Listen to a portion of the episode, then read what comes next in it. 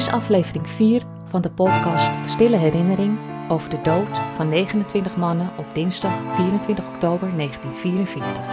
Zij werden die dag door een vuurpeloton van de Duitse Sicherheidsdienst gefusilleerd. Plaats is onheils, het plantsoen bij de kruising tussen de Beethovenstraat en de Apollolaan in Amsterdam-Zuid.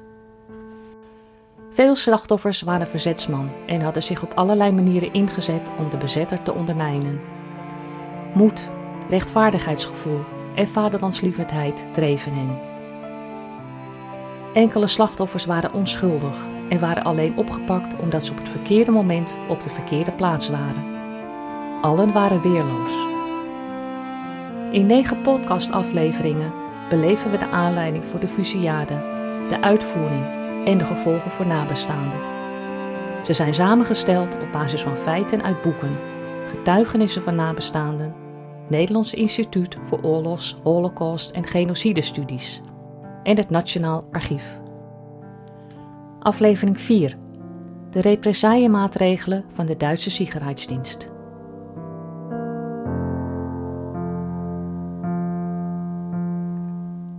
In aflevering 3 hoorden we hoe vier verzetsmannen van de knokploeg Amsterdam verschillende pogingen ondernamen om de gevaarlijke sicherheidsdienstmedewerker Herbert Ulslegel te ontvoeren.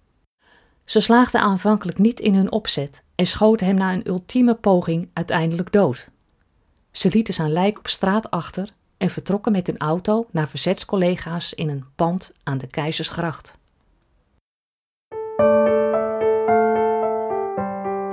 Willy Lakes, de baas van de Sicherheidsdienst in Amsterdam, was voor een werkbezoek in Alkmaar. Hij had juist een diner afgewerkt en verheugde zich op een uitbundige nacht met zijn vriendin Irma. Toen hij telefonisch op de hoogte werd gebracht van de dood van zijn prominente ondergeschikte, ontplofte hij van woede. Met zijn plaatsvervanger Walter Albers vertrok hij direct naar Amsterdam. Dat hij represaillemaatregelen zou gaan nemen lag voor de hand. Maar welke?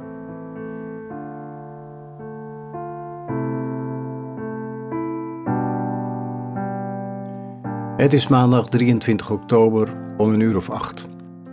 Nog een uur geleden was de ontvoeringspoging van Herbert Ulslegel uitgelopen op zijn liquidatie.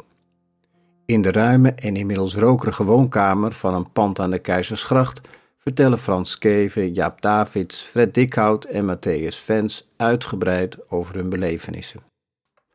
Er zijn een aantal andere verzetsmannen aanwezig, waaronder de leider Tinus Vermeer van de knokploeg Amsterdam. Er worden veel vragen gesteld. De belangrijkste is de vraag: waarom hebben jullie het lijk van Ulslegel niet meegenomen? Tinus Vermeer uit daarbij zijn zorg over represailles nu Ulslegel gevonden zal worden. Er wordt langdurig bij deze zaak stilgestaan. Dikhout, Keven en Davids vertellen dat ze zeker hebben overwogen het lichaam mee te nemen. Maar het zou volgens hen geen zin hebben gehad. Er zijn tenslotte een aantal getuigen van hun gevecht met Ulslegel op straat en van achter de ramen in de Vermaarlestraat. En er is een flinke plas bloed ontstaan. En er is ook de man die Ulslegel te hulp kwam en kort daarna richting het SD-kwartier is gelopen. Vens is ervan overtuigd dat de man daar alarm heeft geslagen. Conclusie: er zijn genoeg sporen en aanwijzingen achtergebleven om Ulslegels vermissing te herleiden tot de vechtpartij wanneer zijn lijk door de vier mannen in de auto was meegenomen.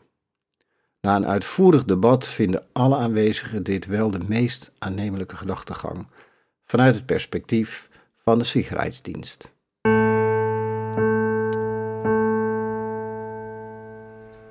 Dikhout, Keven, Vens en Davids worden uiteindelijk door alle aanwezigen uitgebreid gecomplimenteerd met hun geduldige, moedige en zeer gedurfde optreden. Er overheerst een gevoel van triomf, nu de uiterst gevaarlijk geachte Eulslegel is uitgeschakeld. En er zijn uiteraard zorgen over de reactie die zal komen van de kant van de Sicherheidsdienst. Maar de vier mannen zijn op dat moment nog niet in staat zich daarmee bezig te houden. De gebeurtenissen hebben diepe indruk gemaakt. De vier hebben de komende uren alleen behoefte aan rust en ontspanning. Om die reden vertrekken ze één voor één op onopvallende wijze op hun geleende fietsen van de Keizersgracht en gaan huns weegs. Ook alle anderen vertrekken. Tinus Vermeer blijft achter. Hij loopt via achtertuinen naar een huis wat verderop op de Keizersgracht. Daar staat een goed verborgen zendinstallatie. Er wacht een verzetsman die hem gaat bedienen voor een bericht aan de Nederlandse regering in Londen. Het is een marconist van de Koninklijke Marine. Tinus heeft een tekst opgesteld over de gebeurtenissen van die dag met niet kloppende feiten. Er zal een bericht van worden gemaakt dat spoedig via Radio Oranje wordt uitgezonden, mogelijk al dezelfde avond. Tinus weet dat de Sicherheidsdienst alle uitzendingen van Radio Oranje beluistert en moet zo op het verkeerde been worden gezet. Hij heeft namelijk in het bericht verwerkt dat Herbert Eulschlegel door een inzittende van een Duitse auto is gedood en daarna op de plek waar hij daadwerkelijk is gevonden uit het voertuig is gegooid. De vervalsing is een poging om represailles te voorkomen. Het radiobericht moet het voor de bezetter aannemelijk maken dat er Duitse betrokkenheid bij de dood van Eulschlegel is. Tinus overlegt kort met de marconist en overhandigt hem het papier met de tekst. Wanneer die aan het werk gaat, vertrekt Tinus onopvallend huiswaarts.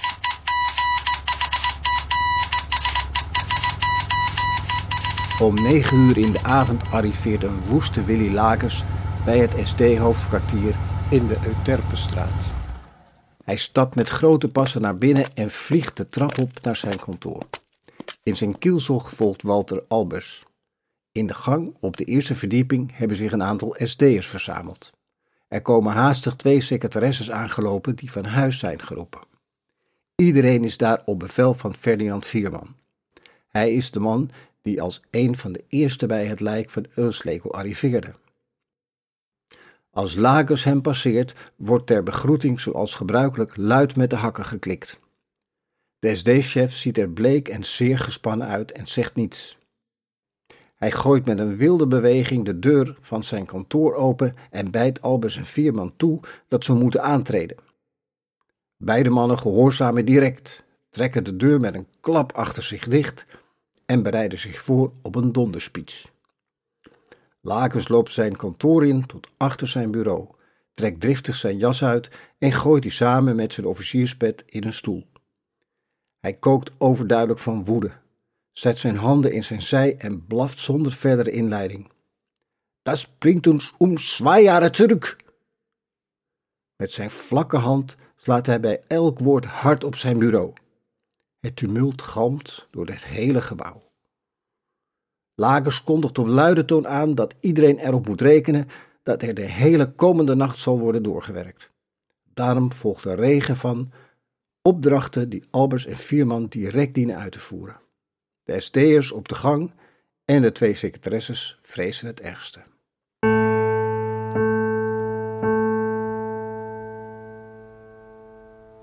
Een kwartier later.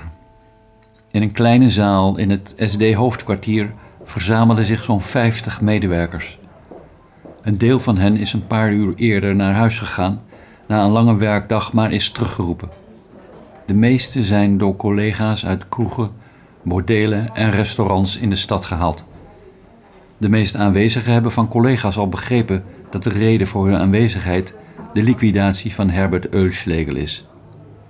Er is maar een hele enkele SD'er die dat erg vindt. De meesten hebben een bloedhekel aan hem.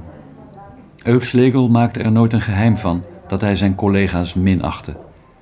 Hij werkte altijd alleen en deelde geen enkele informatie met hen. Iedereen verwacht een lange, intensieve doorwerknacht. Er heerst enige jaloezie ten opzichte van het drietal collega's die de opdracht om zich op het SD-hoofdkwartier te melden hebben weten te ontduiken. Bijvoorbeeld door een vrouw aan de telefoon te laten vertellen dat ze niet zu Hause waren, of door afwezigheid te feinzen nadat er in het pension waar ze verblijven een meldingsbevel is geroepen na een bons op hun kamerdeur. Het wordt stil wanneer Willy Lakens de ruimte betreedt in gezelschap van Friedrich Vierman en Walter Albers.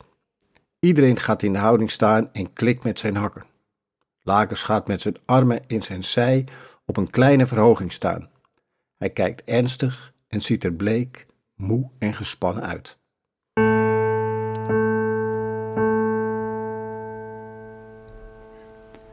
Lages spreekt in korte zinnen zijn manschappen toe. Hij roemt Eulslegel als een van zijn beste SD'ers. De aanwezigen horen zijn lofrede onverschillig aan. Lages zegt besloten te hebben dat de dood van Eulslegel vergolden zal worden middels een represaille die zwaarder is dan ooit. Hij benoemt drie onderdelen. Ten eerste wordt er nog diezelfde avond een grote razzia gehouden in het huizenblok dat grenst aan de straat waar Eulschlegel op nummer 6 is gevonden. Alle mannen in de leeftijd van 18 tot 50 jaar moeten worden gearresteerd en verhoord. De bewoners van het huizenblok worden namelijk allemaal verdacht van medeplichtigheid aan de liquidatie van Eulschlegel. Ten tweede zullen er twee villa's aan het begin van de Beethovenstraat worden opgeblazen. Ten derde zullen de volgende ochtend vroeg dertig gevangenen uit de gevangenis aan de Weteringschans worden gehaald. Ze zullen vlak bij de plaats waar Eulschlegel is vermoord worden doodgeschoten. Lages besluit met de mededeling dat de Ordnungspolizei en Veldgendarmerie aan de Sicherheidsdienst zo'n 100 soldaten, expertise en voertuigen levert ter ondersteuning van de actie.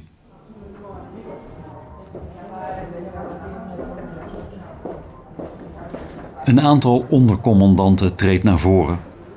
Ze verdelen de groep in kleinere eenheden die een specifieke taak krijgen.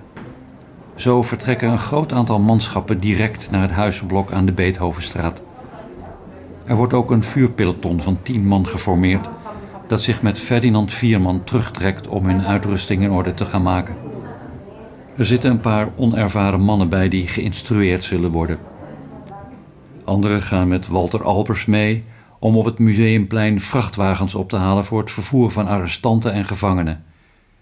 En er is een groep die zich met explosieven experts van de veldgendarmerie gaat voorbereiden op de vernietiging van de twee woonhuizen.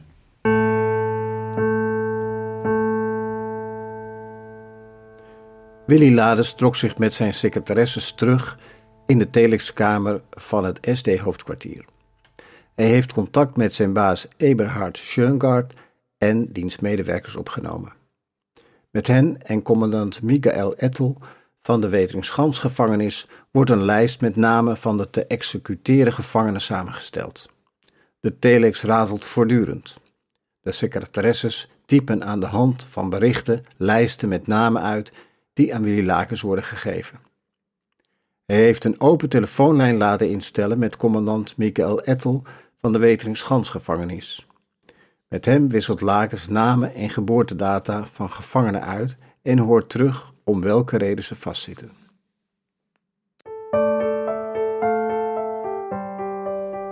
De Weteringschansgevangenis in Amsterdam zit vol met opgepakte verzetsmannen. Bij razzia's die begin oktober 1944 werden gehouden, zijn tientallen van hen gearresteerd. Hun namen bleken op een lijst te staan van de groep Rijnstraat. Voor die groep was vanaf augustus 1944 een wervingsactie gestart. Hij was nog niet actief. In de eerste week van oktober was één initiatiefnemer door verraad door de Sicherheidsdienst gearresteerd met een complete namenlijst. Iedereen die erop stond werd direct opgepakt. We nemen een kijkje in de Weteringschansgevangenis. Hoe zou het de gearresteerden van de groep Rijnstaat zijn vergaan? We proberen het ons voor te stellen. Luister naar een op een beperkt aantal feiten gebaseerde vertelling. In de Weteringschansgevangenis is het maandag 23 oktober 1944, s'avonds half tien. In hun cel bereiden de gevangenen Pieter Zeilstra, Bas Bijland en Cor Bonte zich voor op de nacht. Sinds een week zijn ze bij elkaar geplaatst en ze kunnen het goed vinden. Rond tien uur gaat het licht in hun kleine cel uit. Ze schudden hun stroozakken wat op en leggen hun kleding één voor één bovenop elkaar op de enige kruk in de kleine cel. Daarna gaan ze op hun stroozak liggen en trekken een dekentje over zich heen. Ze stellen vast dat er die dag weer niet veel gebeurd is. De jonge mannen hopen al dagenlang dat ze zullen worden vrijgelaten. Dat is in die periode dat ze in de gevangenis zitten al met meerdere celgenoten onverwacht gebeurd. Alle drie hebben ze geen idee waarom ze nog vastzitten. Het enige dat de 23-jarige Piet weet is dat zijn naam voorkomt op de ledenlijst van een verzetsgroep die in september 1944 is opgericht. Daar is hij pas na enkele verhoren achtergekomen. Zijn zagarbeider, degene van de Sicherheidsdienst die zijn zaak behandelt, heeft het een paar keer gehad over ihr naam auf der Liste. Hij vroeg Piet een paar keer wat dat betekende. Die begreep maar niet waar de man op doelde. Piet had het een goede Nederlandse gevangenbewaarder gevraagd. Die had een en ander stiekem nagesnuffeld en hem uitgelegd wat der Liste was. Piet heeft geen idee hoe zijn naam erop terecht is gekomen. Hij heeft zich suf gepeinst. Het enige dat hij zich herinnert is dat hij een paar keer op zijn werk als kantoorbediende bij rederij Koppes stapeltjes illegale trouwkranten toegespeeld kreeg. Die moest hij na werktijd op weg naar huis afgeven op adressen in zijn buurt. Een goede collega had hem gevraagd dat te doen. Meerdere collega's van kantoor deden hetzelfde, maar er was onderling maar heel sumier over gepraat. Hoe minder je wist, hoe minder je kon verraden, zeiden sommigen als het er enkele keer over ging. Wie de man was die de kranten kwam brengen, wist Piet niet. Ze zaten, meestal zo'n twintig stuks, verstopt in de dubbele bodem van een postzak. Piet heeft de man ook nooit zijn naam genoemd.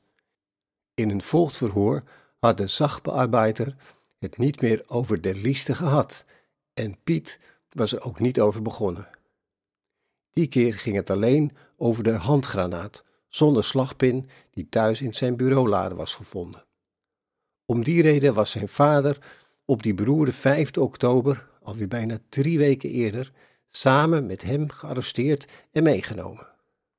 Ze hadden nog een tijdje in dezelfde cel gezeten. Piets vader had helemaal niets geweten van de handgranaat, maar was er door de Duitsers als hoofd van het gezin wel verantwoordelijk voor gehouden. Piet had zich hierover nog steeds erg schuldig gevoeld, maar zijn vader had begrip getoond en het hem vergeven.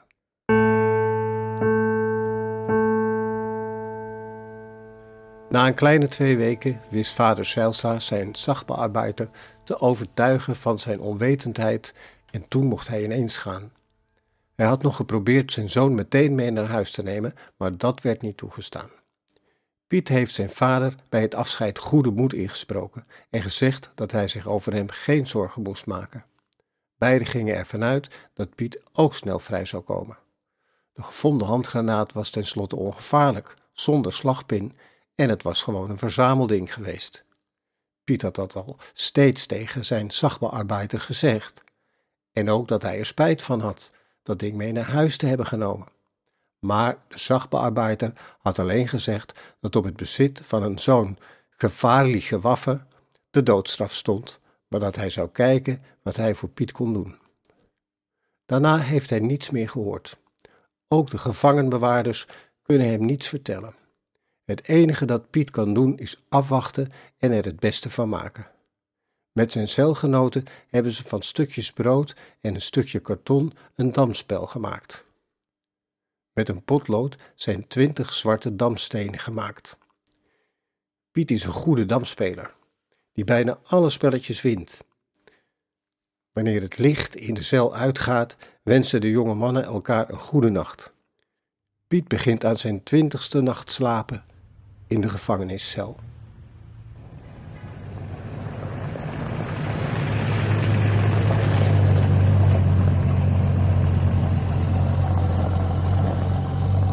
Het is dezelfde avond tien uur geworden. Vier grote legertrucks van de Weermacht rijden over de Apollolaan. Ter hoogte van de Beethovenstraat slaan ze een paar zijstraten in, waarmee een heel huizenblok wordt omsingeld. Het is het huizenblok dat grenst aan de Beethovenstraat. Daar werd bij nummer 6 het lijk van Herbert Eulschlegel gevonden. Wanneer de vrachtwagens stoppen, springen er tientallen bewapende soldaten van de Ordnungspolizei uit. Onder leiding van leden van de Sicherheidsdienst wordt bij alle woningen op de begane grond binnengevallen. Wachtposten bij de deuren van de bovenwoningen bewaken dat daar niemand in of uit kan. Op straat is vanuit verschillende woningen afwisselend het geschreeuw en gehuil van bewoners en de afblaffende commando's van de Duitse politiemannen te horen. Er worden ook deuren en ruiten ingeslagen. Hier en daar worden huizen volledig overhoop gehaald. In de uren die volgen wordt elke woning in het blok doorzocht. Een gestage stroom van mannelijke bewoners tussen de 18 en de 50 jaar komt uit de huizen op gang. Om twee uur s'nachts staat de teller op 56 mannen. Ze zijn in vrachtwagens geladen die ze onder bewaking van de Ordnungspolizei naar de gevangenis brengt. Tientallen vrouwen, kinderen, moeders, opa's en oma's blijven in ontreddering. Panische angst en onzekerheid in het huizenblok achter. Vele buren zoeken elkaar op en vinden steun.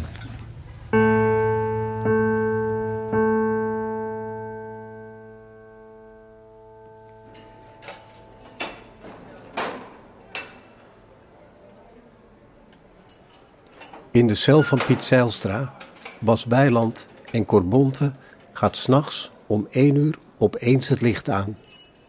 Op de galmende gangen is het tot dan toe steeds onrustig geweest.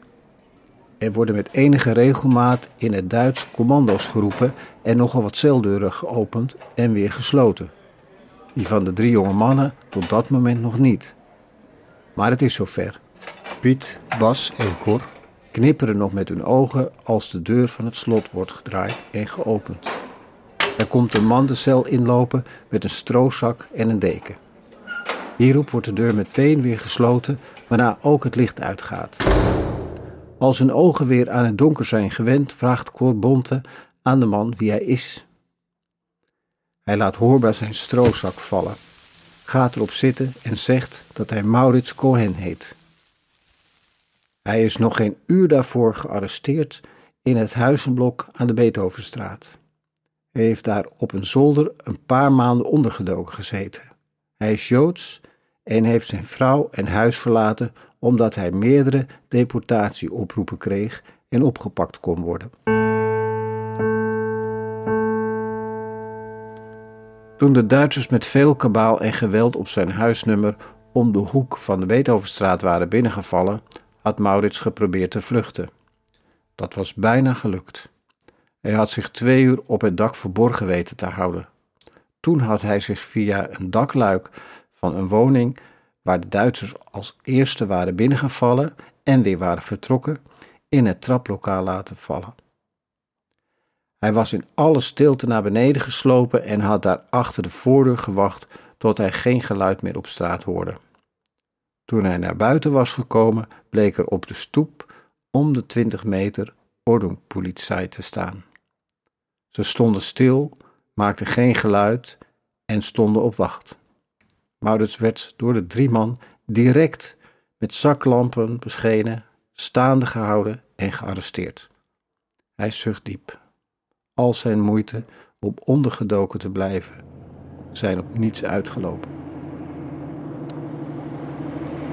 Het is dinsdag 24 oktober 1944 om 4 uur in de ochtend. Een vrachtwagen van de Weermacht stopt bij een stadsvilla. Het huis staat op de hoek van de Apollolaan met de Beethovenstraat. Daarachter stopt een stafauto van de Sicherheidsdienst. Uit de vrachtwagen komen soldaten van de Ordnungspolizei en de Feldgendarmerie die een paar kisten op straat smijten. Uit de stafauto stappen Willy Lages en Ferdinand Vierman. Er worden commando's geroepen. Een aantal soldaten loopt naar de voordeur van de villa. Ze hebben een kleine stormram bij zich, waarmee ze de deur met veel kabaal openbreken. Anderen slaan met koevoeten de ramen in. Lages en Vierman stappen de woning binnen.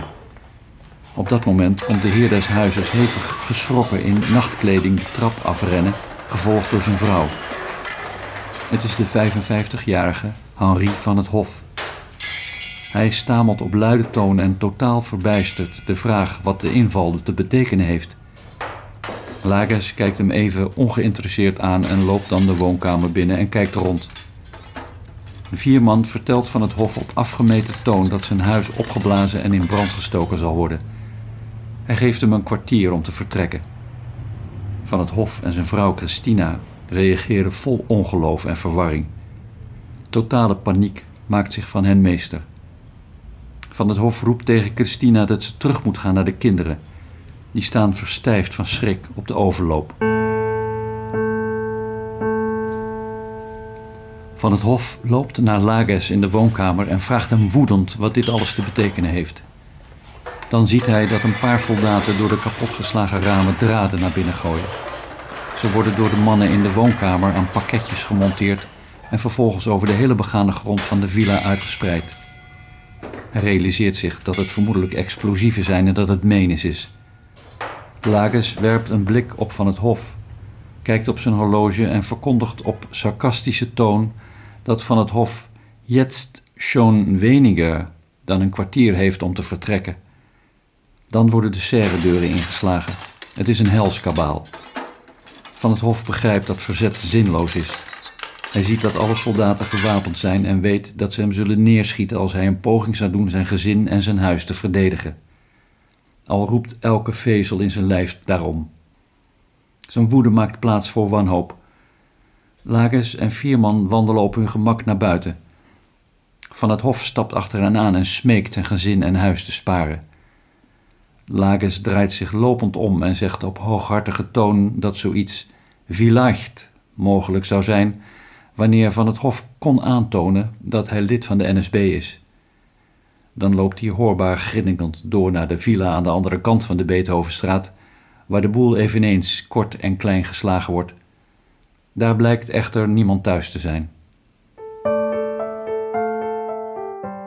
Van het Hof rent zijn huis weer binnen en sprint de trap op naar zijn vrouw en kinderen.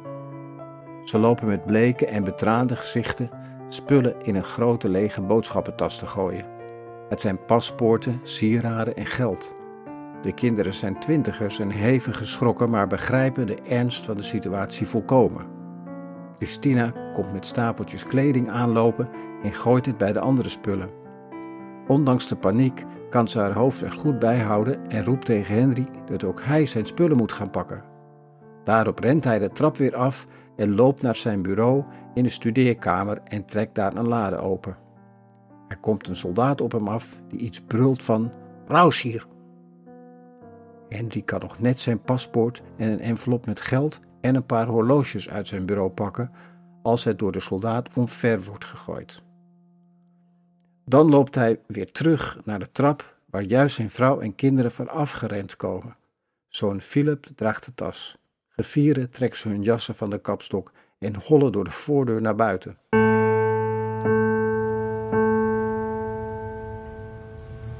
Op een afstand van 20 meter blijven ze staan. Ze trekken hun jassen over hun pyjamas aan, houden elkaar vast en staren ongelovig naar hun huis. Er lopen nog steeds soldaten in en uit en er klinken voortdurend harde geluiden van brekend glas. Tot hun verbijstering komen enkele soldaten achter elkaar naar buiten lopen met de kostbare schilderijen die in de woonkamer aan de muur hingen. Ze worden zorgvuldig in de vrachtwagen geladen. Een fraai servieskastje volgt. Dat is een antiek familiestuk. Er wordt geplunderd. En de soldaten weten goed wat van waarde is. Ook de stofzuiger, een paar dozen wijn, fietsen die in de tuin stonden en de noten houten staande klok uit de hal worden met zorg in de vrachtwagen geladen.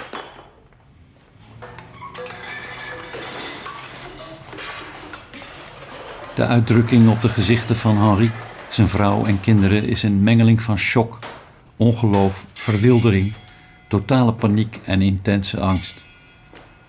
Henri wil de anderen geruststellen, maar hij komt nauwelijks uit zijn woorden. Dan schiet een van de soldaten met een geweer een paar keer in de lucht. De vier gezinsleden schrikken hier ontzettend van. Ze vluchten in nieuwe paniek naar een afdak in de tuin van de buren van drie huizen verder. Daar zien ze van achter een heg hoe alle soldaten in looppas hun huis verlaten. Ze zoeken dekking achter de geparkeerde vrachtwagen. Het wordt doodstil. Dan klinkt een commando en enige seconden later volgen een paar enorme explosies. Er daalt een regen van stof, stenen, houten delen, gebroken dakpannen, glas en huisraad op straat neer. Christina ziet hoe de volledig verwrongen staande schemerlamp uit de woonkamer voor haar op straat neerklapt. Hierna vliegen er pannen uit de keuken, stukken gordijn, kapotte eetkamerstoelen, lampenkappen en wat niet al in het rond. Door hun beschutte plaats worden de gezinsleden gelukkig nergens door geraakt, behalve in hun ziel door het ongekende geweld dat plotseling is losgebarsten. Wanneer het wat stiller wordt, kijkt Henry naar zijn huis en ziet in de duisternis de contouren van een ruïne. Er staan nog enkele rokende muren op de begane grond overeind, maar de hele eerste verdieping, alle kozijnen en het dak zijn weg. Hij ziet hoe een soldaat met een vlammenwerper op de rokende puinhoop afloopt en de resten in brand steekt. Bij het licht van het vuur is het macabere schouwspel pijnlijk goed te volgen. Juist wanneer Henry weer bij zijn gezin op de grond wil zakken, gaat de voordeur van het huis waarbij ze staan open. Iemand sist zachtjes: Kom hier. En er wenkt een hand. Het viertal richt zich voorzichtig op en sluipt in de richting van de voordeur. Eenmaal binnen wordt hij zachtjes door de buurman gesloten. Hij en de vier daklozen staan secondenlang in de donkere hal in stilte elkaar aan te staren. Niemand weet wat te zeggen. Even later horen ze buiten een vrachtwagen vertrekken. Op dat moment komt de buurvrouw de hal in en fluistert dat iedereen mee de woonkamer in moet komen. De vier gezinsleden worden op de bank gezet. Ze kunnen minutenlang niets anders doen dan elkaar rillend van angst vasthouden.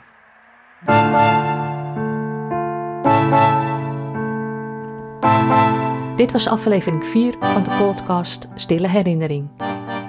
In aflevering 5 horen we hoe het de familie van het Hof verder zal vergaan. We horen ook hoe Willy Lakens derde en laatste en meest meedogenloze represaillemaatregel gestalte krijgt.